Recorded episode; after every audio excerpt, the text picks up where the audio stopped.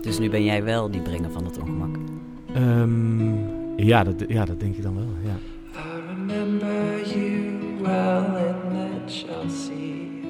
Dat niet de enige filosofie is, dat er ook hele interessante denktradities buiten Europa hebben plaatsgevonden. En dat je dan afvraagt van, oh ja, zou ik er morgen zijn of niet? Ja, ik dat lees je- maar één keer. Dat je überhaupt voelt. Precies, Dat je Ja. iets voelt. ja. Those were the reasons, and that was New York we were running for. Welkom bij Hotel Oostpol. Ik ben Jonah Lamers, onderdeel van de Transketeers, een filmcollectief dat bestaat uit drie transjongens eh, die samenwerken voor positieve zichtbaarheid van genderdiversiteit. En ik ben jullie gastheer in, in dit hotel. Waan je in de lobby van het legendarische Chelsea Hotel in New York, de artistieke vrijplaats waar je Patti Smith met Robert Mapplethorpe voorbij zou kunnen zien lopen, Janis Joplin met Leonard Cohen de lift instapt en eh, Bob Dylan net een kop koffie bestelde.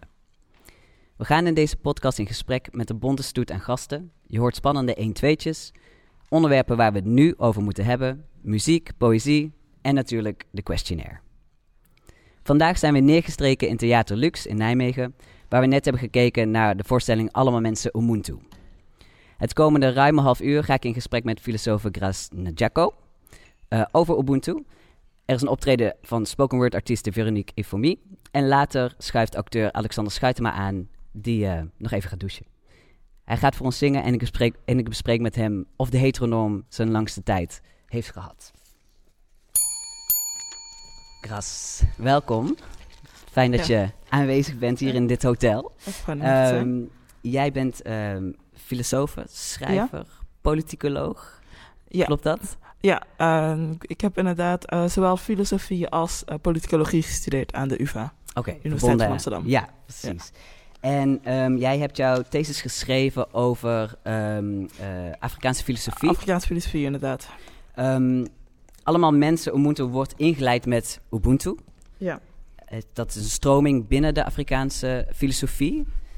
Ehm, zou jij iets kunnen vertellen over Ubuntu? Ehm, nou, ehm Mogobo Ramose, dat is de Zuid-Afrikaanse filosoof die het hoofdwerk over Ubuntu heeft geschreven.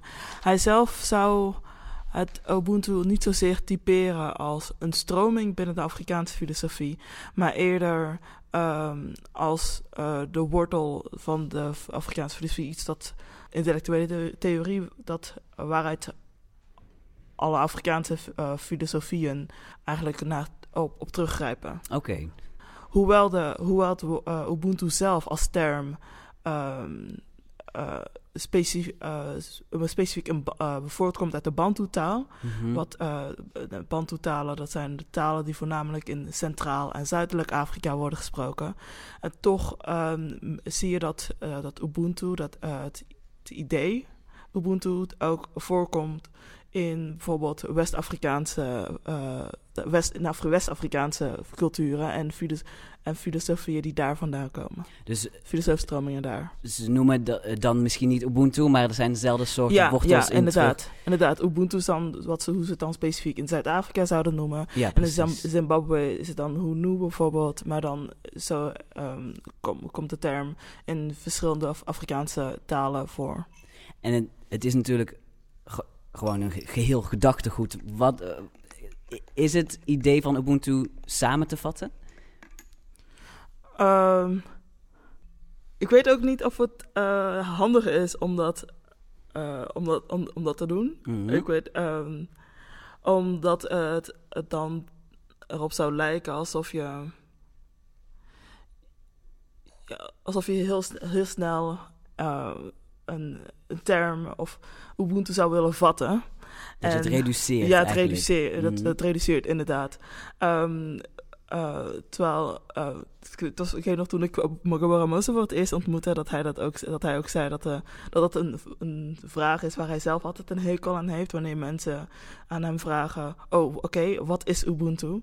Ehm, hij zegt dat, ja, dat het eigenlijk weer voorkomt uit een typisch, ja toch wel eh, een typisch westers idee kenmerkt van het snel willen vatten eh, van Mhm. iets. Wat hij ook, eh, wat hij, wat hij destijds ook tegen mij zei, dat hij dat heel gewelddadig vond. Ja, ja want dat, dat, dat zeg je inderdaad iets interessant, omdat eh, Afrikaanse filosofie, als je dat naast de westerse filosofie zet, ehm er zijn best grote verschillen in te ontdekken.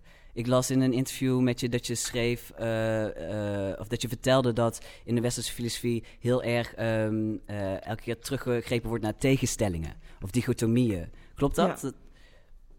Ja. Daar, daar is eigenlijk. ehm, dat is inderdaad heel erg kenmerkend voor het westerse denken. Ook.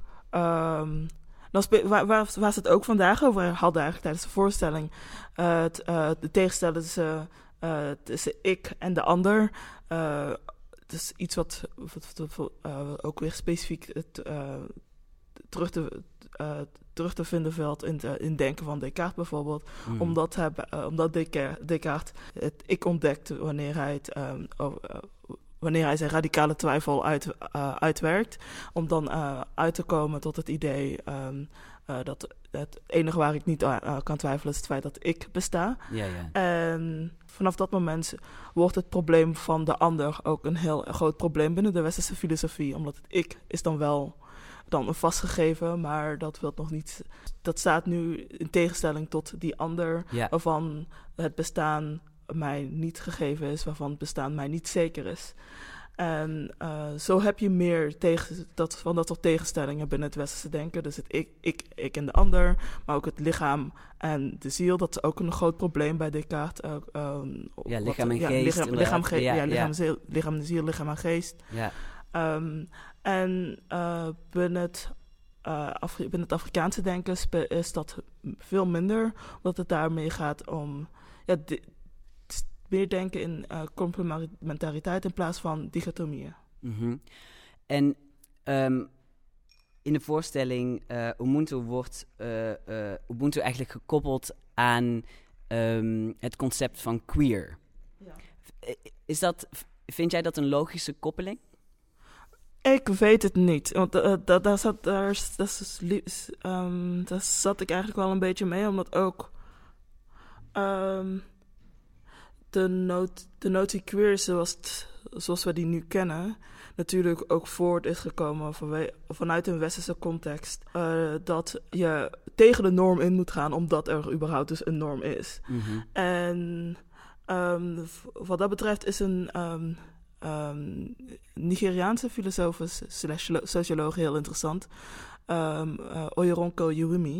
Ehm, zij eh, formuleert daarin in haar werk ook eigenlijk een kritiek op het, ook op het westerse feminisme, omdat ehm, westerse feministen en, en eigenlijk men, eh, de queer theory, westerse queer theory daar, daarmee eigenlijk ook, op hun eigen manier kunnen zij net zo koloniaal te werk gaan als ja, die westerse mannelijke filosofen dat doen. Door te veronderstellen dat gender, zoals we, dat op moment, zoals we dat kennen in het Westen, dat dat een universeel gegeven is.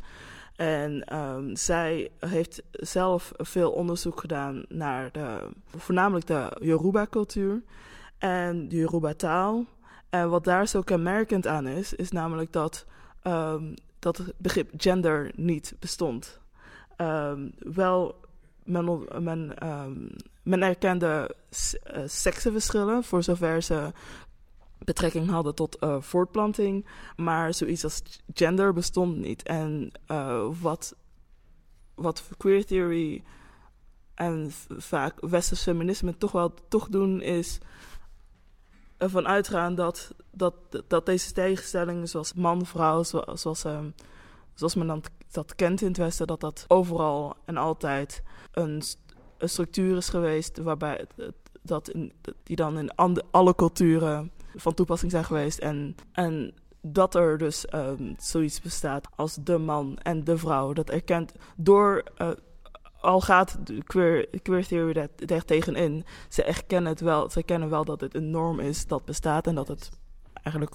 En ze gaan er vaak vanuit dat het overal zo is of zo is geweest. En ook het idee dat ehm, eh, eh, weet je, ik ben. Dat het een Ja. identiteit wordt. Dus ik Ja. ben een man of ik ben homo Ja. of ik ben... Dat zijn, dat zijn westerse concepten die, die, die niet... ehm, nou, wat, wat, wat ik ook las, eh, wat ik interessant vond, eh, sluit hierbij aan... is dat veel ehm, pre-koloniale Afrikaanse culturen... inderdaad, wat je zegt, het concept gender niet kenden. Ja, En dat eh, eigenlijk, of eigenlijk dat Europese overheersers dat, die, dat genderverschil hebben gebracht. ja het in, de- het, wat, in, wat, wat, wat je in veel Afrikaanse, niet per se alle, maar wel in veel Afrikaanse talen bijvoorbeeld, wat je zult zien is dat er bijvoorbeeld, en uh, Oyewumi geeft dan het voorbeeld van de Yoruba-taal zelf, um, dus dat hij bijvoorbeeld geen woord, geen woord had voor zoon of dochter, broer en zus.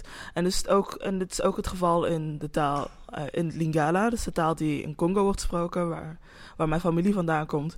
Je hebt daar geen woorden voor broer, zus, uh, zoon, dochter.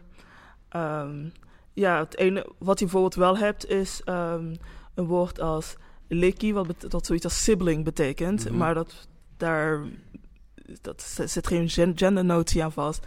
Wat, um, of um, ja, mwana, wat zoiets, uh, wat zoiets betekent als offspring, dus kind. Mm. Uh, maar dus niet zo'n dochter.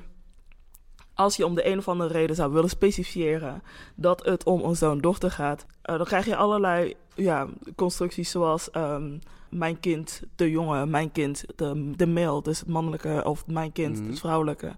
Omdat er gewoon geen woord is voor zoon of dochter. Vaak is het belangrijker om juist um, uh, te duiden wie er ouder of jonger is. Dus um, het, het, principe van senioriteit is belangrijker dan, uh, ja, dan, gender, dan genderverschillen. Dus bijvoorbeeld, ik weet nog de eerste keer dat ik in Congo was, is dat uh, mijn moeder me overal introduceerde als: oké, okay, dit is mijn kind, de tweede, want ik de, de, de middel, uh, I'm the middle child. En, of, en het jaar daarvoor was mijn oudste zus in Congo geweest. En zei, ja, vorig jaar was ik hier met mijn, mijn, met, mijn kind, de oudste. Dit keer ben ik hier met mijn kind, de tweede. Daar zit gewoon ja. veel meer betekenis ja. achter dan ja, wat, inderdaad. wat wij hier zouden zeggen, dit is mijn zoon of dit is mijn dochter. Ja. Ja. Wat, wat denk jij dat uh, verloren is gegaan door, um, door het brengen van bijvoorbeeld uh, dat genderverschil? Wat, wat, wat, wat er verloren is gegaan, ten eerste um, is het stukje authenticiteit. Gewoon het, maar dat is niet alleen op het gebied van gender, maar nee. dat is op uh, veel gebieden um, het geval geweest. Dat je cultuur kunnen leven zoals, zoals je die kent, maar dat uh, in plaats van dat um, bepaalde normen je nu worden opgedrongen waar je naartoe, naar moet leven.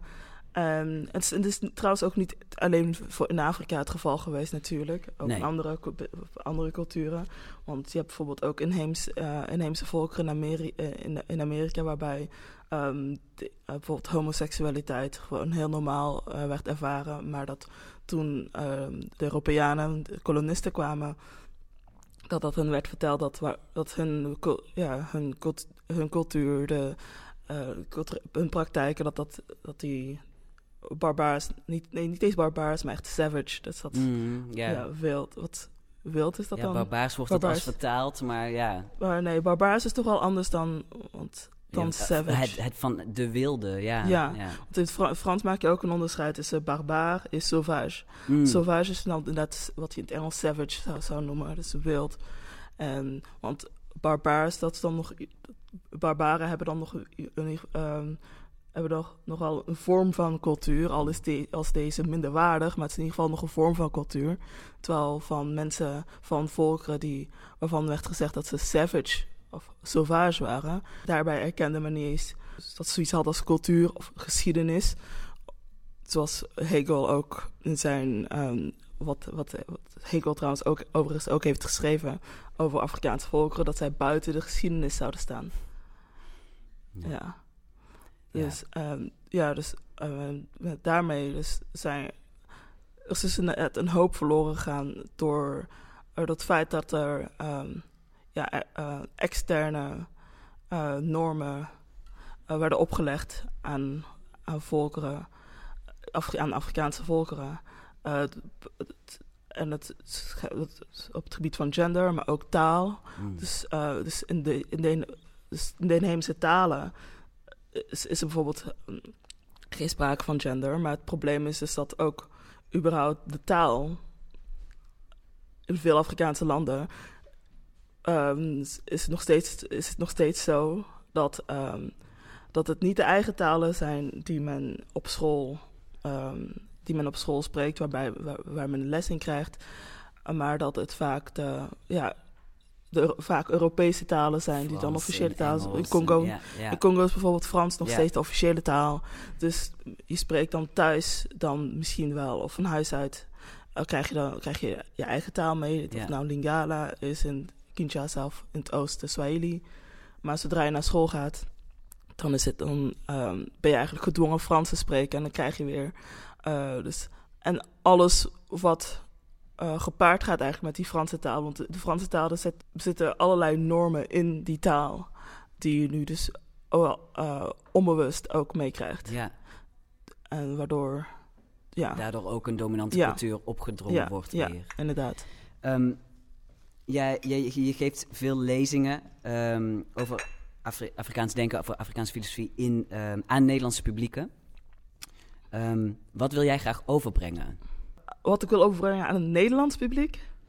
Ehm, ik weet niet, ik, ik, weet, ik weet niet of ik dat zelf zo zou zeggen trouwens, dat ik eh, het Nederlandse publiek graag iets wil bijbrengen. Dat zeg ik, dat, zeg ik, dat, dat, leg, ik, dat leg ik neer. maar- het is zo, nou, ehm, Nee, maar eh, laat ik het anders zeggen. Je, je, je, ehm, Afrikaans denken is een heel erg belangrijk thema in jouw werk. ja, je, je studeert erop af, je, eh, eh, je organiseert lezingen, belangrijk bijeenkomsten, nodigt mensen uit.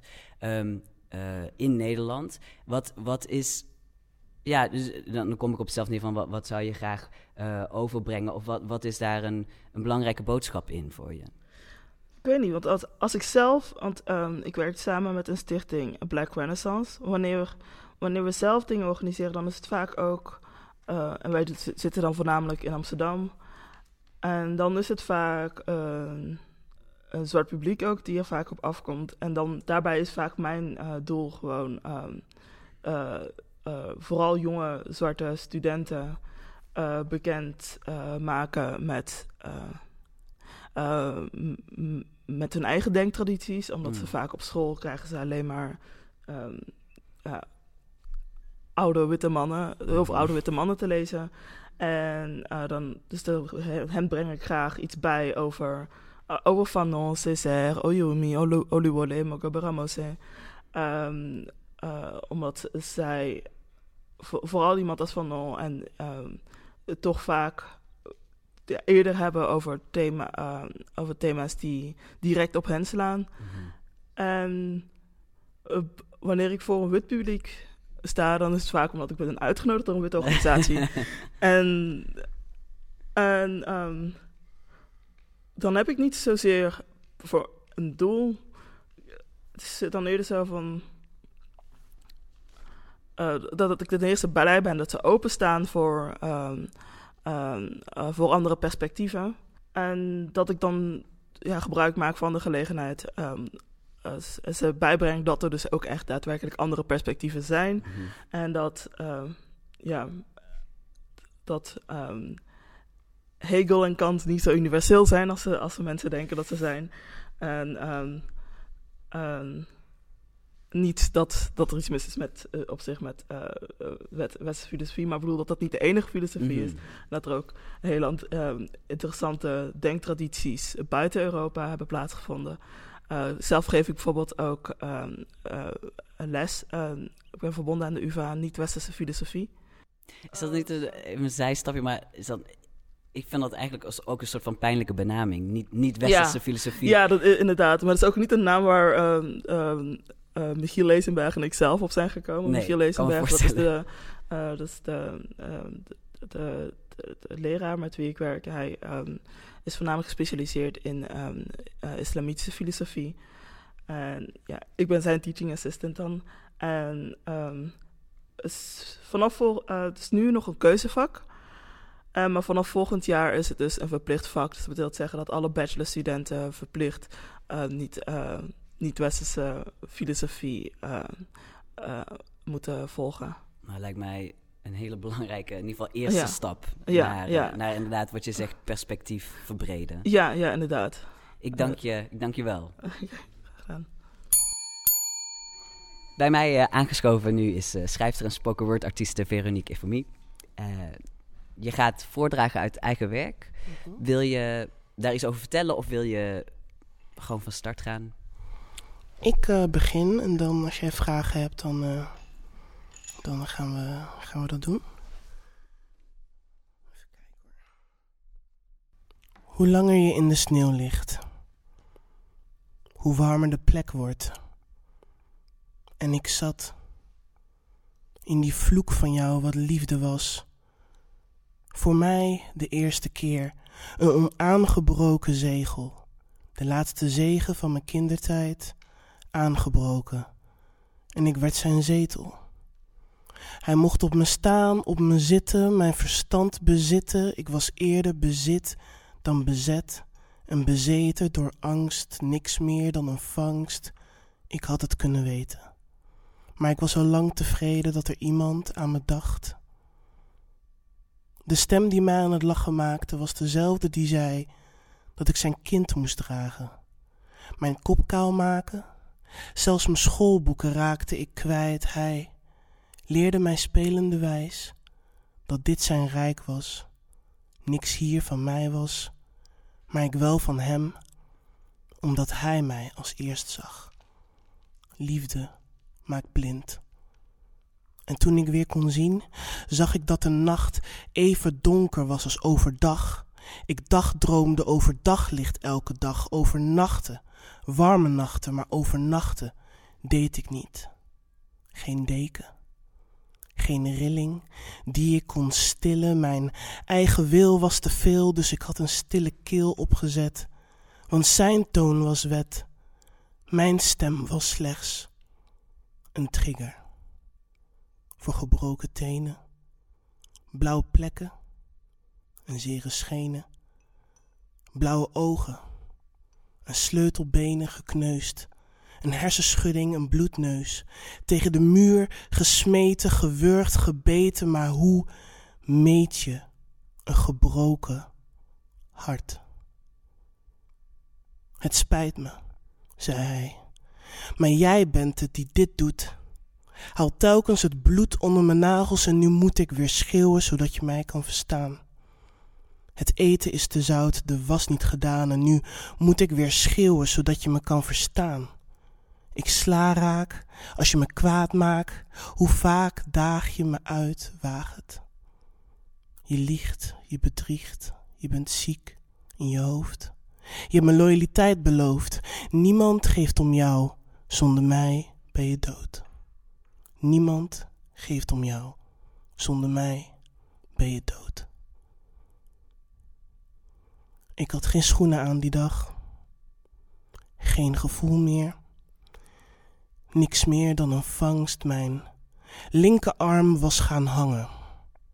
Maar ik was niet meer bang. Want tussen de klappen door was het zijn glimlach die ik zag. Van het bloed onder zijn nagels had ik bloed van in de mond, maar vandaag was het de dag alsof er geen nacht meer bestond. Hij schold me uit. Ik bad hardop onze vader. Hij schreeuwde dat dit mijn leven was. Zonder hem ben ik dood, zonder hem ben ik dood, maar met hem ook. Dus voordat ik voor de zoveelste keer tegen de muur opvloog, richtte ik op zijn linkeroog en schoot. Hoe langer je in de sneeuw ligt, hoe warmer de plek wordt. En ik zat. De wind vertelde me dat ik levend was. Snelle voetstappen kwamen naar me kijken. Ze zeiden iets over onderkoeld. Maar het was de eerste keer in mijn leven dat ik me zo mooi heb gevoeld. Ik heb ehm, gelezen over je, van je, ehm, dat jij heel persoonlijk werk maakt. En dat je niet alleen jouw stem in je werk laat doorschemen, maar, maar vele stemmen. Kan je daar wat over vertellen? Over de vele stemmen? Ja, van wie vertegenwoordig je wat? Sorry. Nee, ja. Neem je tijd. Over de vele stemmen. Ehm, ik ben de stem die durft te spreken. Ik ehm, kom uit een familie waar sprekers zijn. Alleen ze hadden zeg maar niet het geluk om te spreken voor mensen. Of voor de westerse bevolking of voor ehm, de zwarte bevolking. En ehm, spreken naar een tijd waarbij je je als niks hebt gevoeld, is het is een soort. is alsof iemand ehm, je levend veld. En eh, dat doet pijn. Als je gaat douchen, als je kleren aantrekt, als je naar buiten gaat. En eh, met de, met de jaren dan, dan went het. Je, je, went, je bent gewend aan de korst, zeg maar. Alleen, het is nog steeds ehm,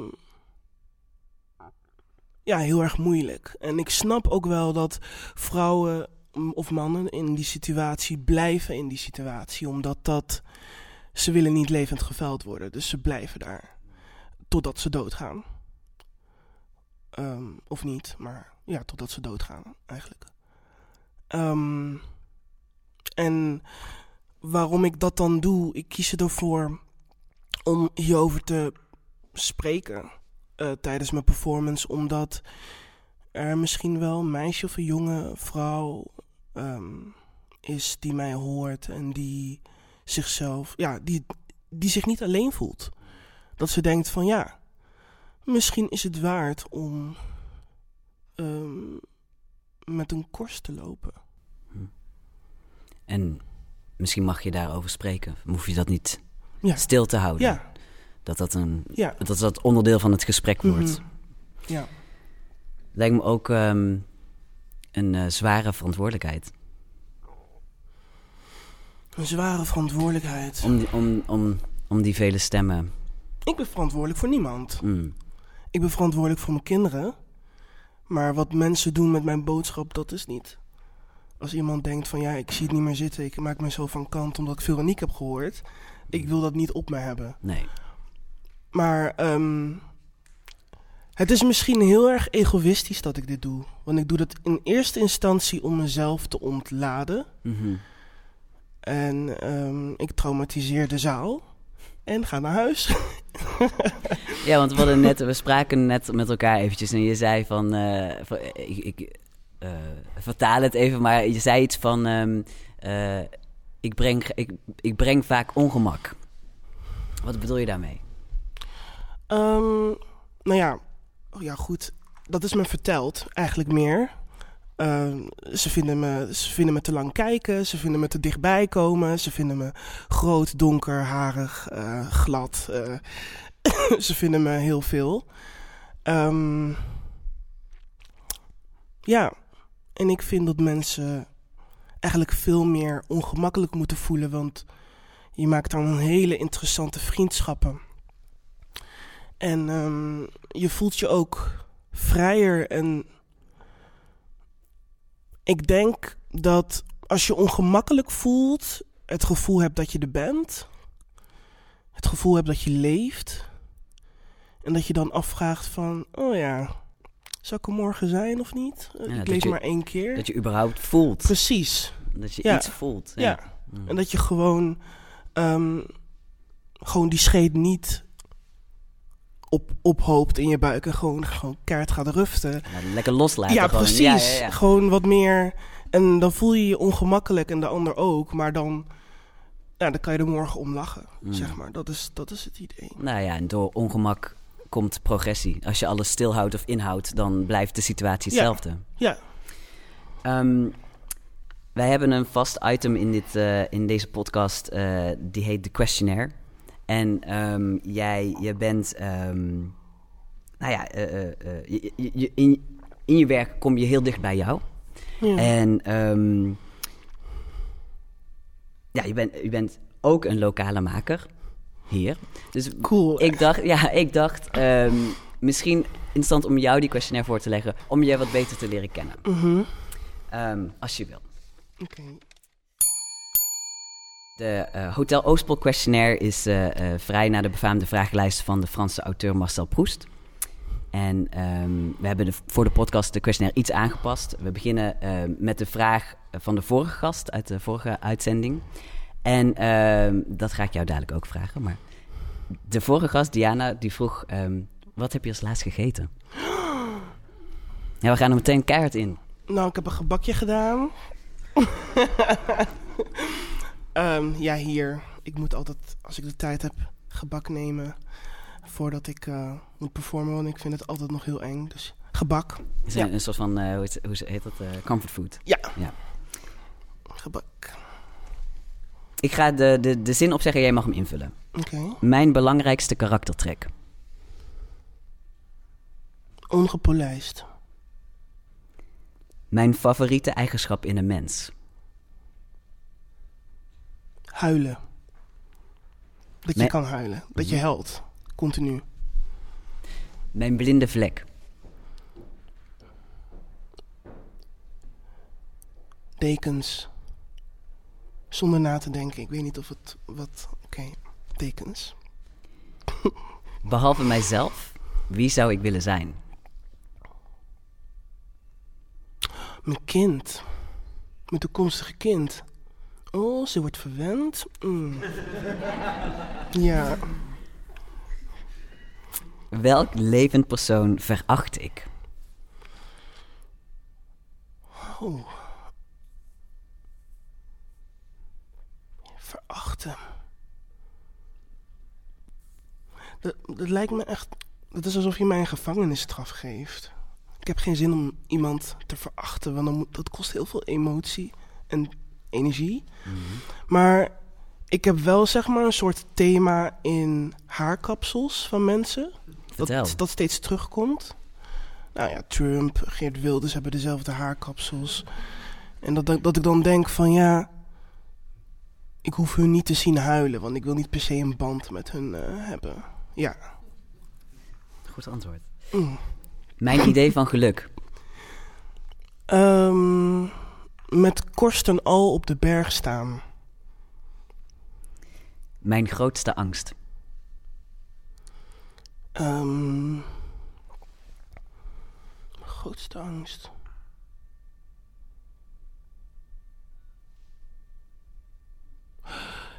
Ehm, ja, dat ik ehm, niet een huis heb kunnen kopen voor mijn moeder voordat ze doodgaat. Dat is wel mijn grootste angst. Welke muziek staat op repeat eh, in je hotelkamer? In mijn hotelkamer. One Direction. Ja, sorry. Ik, eh, ze doen, ze, ze Oh, doen iets zo met goed. me. Ze doen iets met me. Ik voel me dan het mooist. Ja. Fair enough. Fair enough. Zie je, zo, je, je leert iemand echt kennen. en als laatste, ehm, mijn vraag voor de volgende gast. Oké. Moet ik nu een vraag verzinnen? Waar ga je heen als je morgen doodgaat? Een diepe, een diepe vraag om mee af te sluiten. Ja, Dankjewel, vind je diep? Ja, nou ja, wel toch? Dus moet je even over Ja. nadenken. Ja. Dank je. Inmiddels eh, is aangeschoven Alexander Schuitema. Hij heeft hier net eh, op het podium gestaan en eh, gaat nu voor ons zingen. Fine Line van Douwe Bob. Ja. Take it away.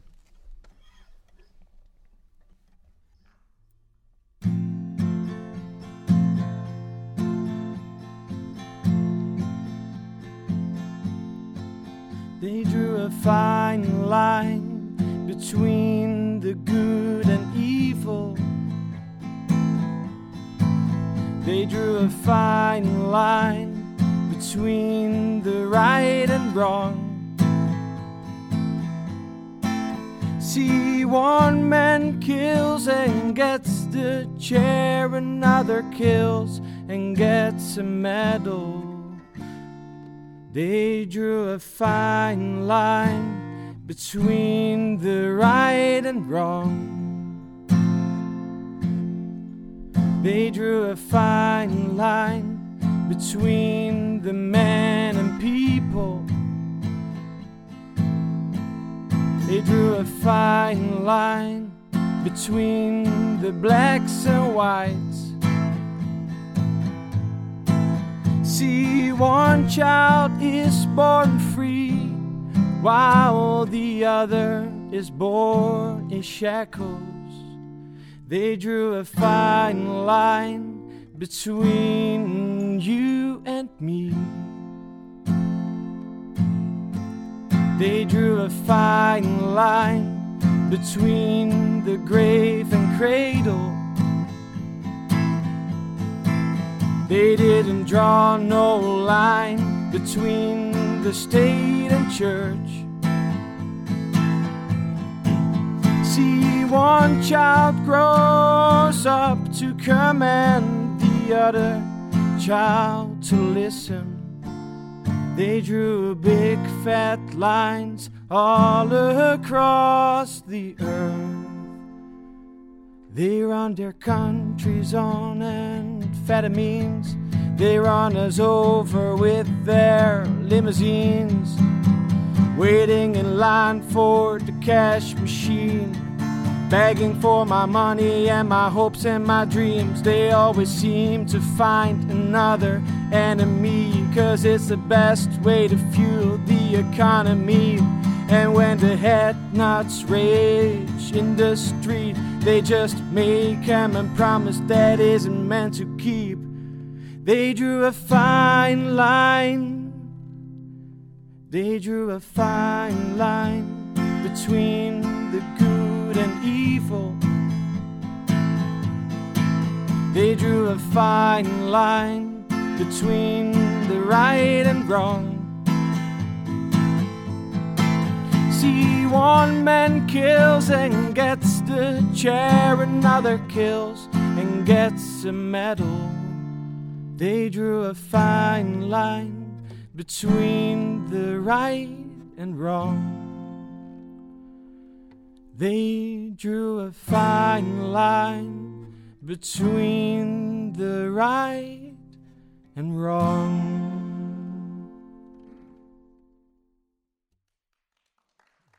Waarom heb jij eh, dit nummer gekozen om te zingen? Ja, ik vind het een heel mooi nummer. Ik hou heel erg van Douwe Bob sowieso. En, en ehm, het is echt een protestnummer. Wat ik heb gelezen is dat hij het niet eens bedoelde als een protestnummer, maar dat het ontzettend is. En dat hij heel erg zegt dat de, de plek waar je bent geboren, dat dat al aangeeft hoe je moet zijn, hoe je je moet voelen en wat je mag zijn en wat je mag worden. En dat interesseert me nu wel heel erg, omdat ik dat bij mezelf ook merk. Dus vandaar. Want jij bent, ehm, Alexander, jij bent ehm, wit, Ja. hetero, Ja. man. Ja. Heb jij weer. Ja, Ehm, ja heb ik. Hoe, eh, eh, voelt dat, eh, vo- voelt dat ehm, ook als een hokje? Ja, zeker. Dat voelt heel erg, dat voelt heel erg als een hokje. Want er wordt ook van mij ehm, ehm, verwacht dat ik op een bepaalde manier handel. En dat probeer ik ook in de voorstelling eh, eh, eh, te tonen. Dat wat, wat ik heel erg bijvoorbeeld bij... bij ik kom uit Den Haag. En, en daar heb ik heel erg gemerkt, bij vrienden ook... ehm, eh, heb ik heel erg intimiteit met vrienden gemist. Dus ehm, eh, eh, een knuffel was eigenlijk echt al te veel. En een, een, een hand was ook al veel, want liever een box. Gewoon een box om zo min mogelijk aanraking te hebben. Omdat dat daar tussen mannen toch nog gek is of zo. Wat, ehm, ehm, he- heb jij iets geleerd in het proces van het maken van deze voorstelling? Ben je ergens eh, anders door gaan kijken? Of? Ja, zeker, heel erg. Ehm, ik denk dat ik met, met, met deze groep sowieso zijn we. Als ik kijk naar hoe ik vier jaar geleden was toen ik begon aan de toneelschool met deze, met deze groep. dacht ik heel anders na over bepaalde dingen. En, en ehm, was ik ook soms best wel best racistisch zonder dat ik dat wist.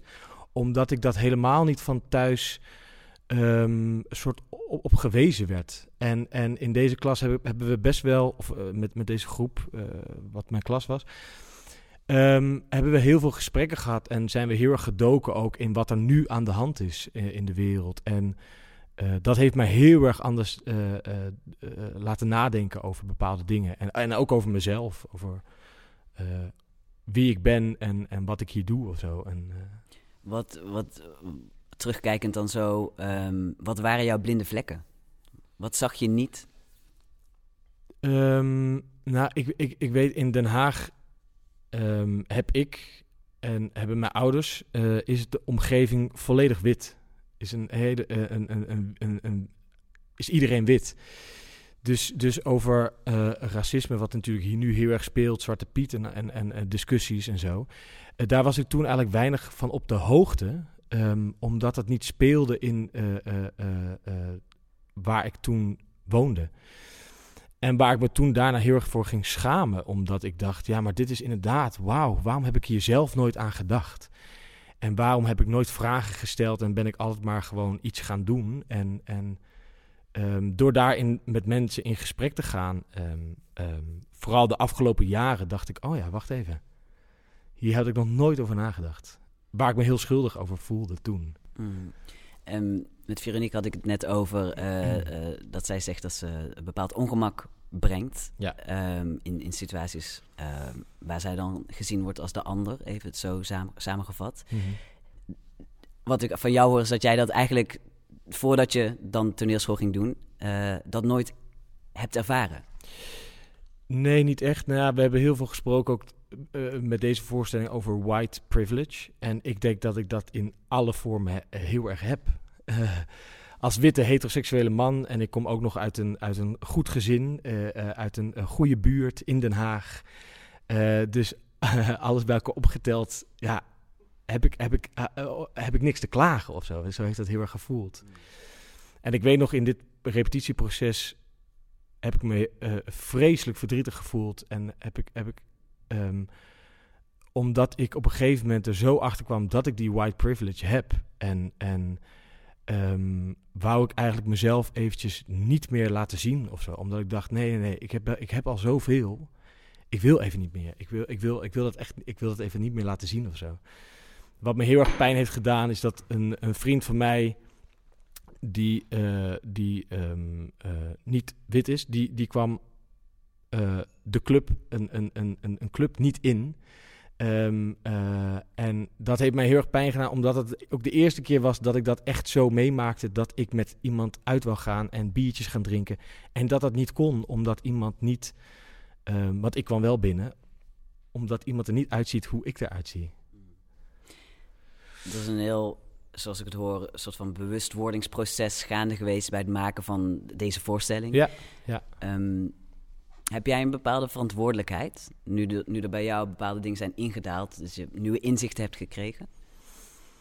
Ehm, ja, dat vind ik ook moeilijk om te zeggen. Want natuurlijk heb ik een verantwoordelijkheid om ook wat ik, waar, waar, waar, ik nu over nadenk, om dat ook ehm, eh, door te geven. En eh, ik merk ook dat ik nu heel erg in gesprek met mijn ouders daarover ben. En dat we daar ook af en toe flink eh, ruzie over krijgen. Omdat ik nu heel anders denk dan hoe mijn ouders eh, denken. En eh, aan de ene kant is dat af en toe heel pijnlijk, omdat we dan meningsverschillen hebben, wat we vroeger nooit hadden. Maar aan de andere kant vind ik dat ook iets heel moois, omdat ik dan nu een andere kant kan laten zien. Dus nu ben jij wel die brenger van dat ongemak. Ehm, ja, dat, ja, dat denk ik dan wel. Ja. Ik vind het een eh, mooi punt om het af te sluiten. om hierover door te denken. Hm. Over verantwoordelijkheden Ja. en eh, nieuwe perspectieven. Zullen we het afsluiten met een knuffel? ja, laten we Ja, dat doen. laten we- Dit was alweer de derde aflevering van Hotel Oostpol. Een samenwerking van toneelgroep Oostpol, de Transketeers en programmamaker Daniel Kieft. Editing werd gedaan door Chris Rijksen. We zijn terug in het nieuwe jaar. De volgende aflevering wordt op 17 januari opgenomen in Theater Frascati in Amsterdam. Na de voorstelling God is een moeder. Houd toneelgroep oostpol.nl in de gaten voor de gasten. Fijn dat jullie aanwezig wilden zijn in onze lobby. En eh, wil je meer mensen vertellen over deze podcast? Laat dan een recensie achter.